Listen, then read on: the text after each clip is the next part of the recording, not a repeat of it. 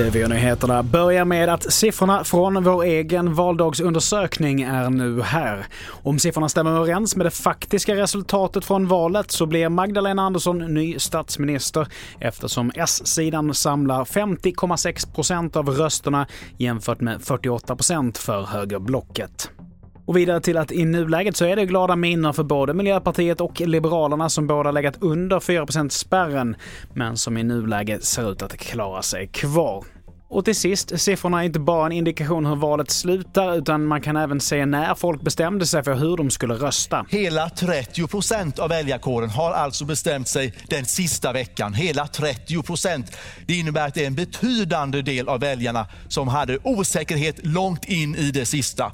Sen ser vi att tidigare under valåret 37 procent och redan innan 2002 var det 32 procent. Och i inslaget här så hörde vi vår politiska expert Marcus Oskarsson.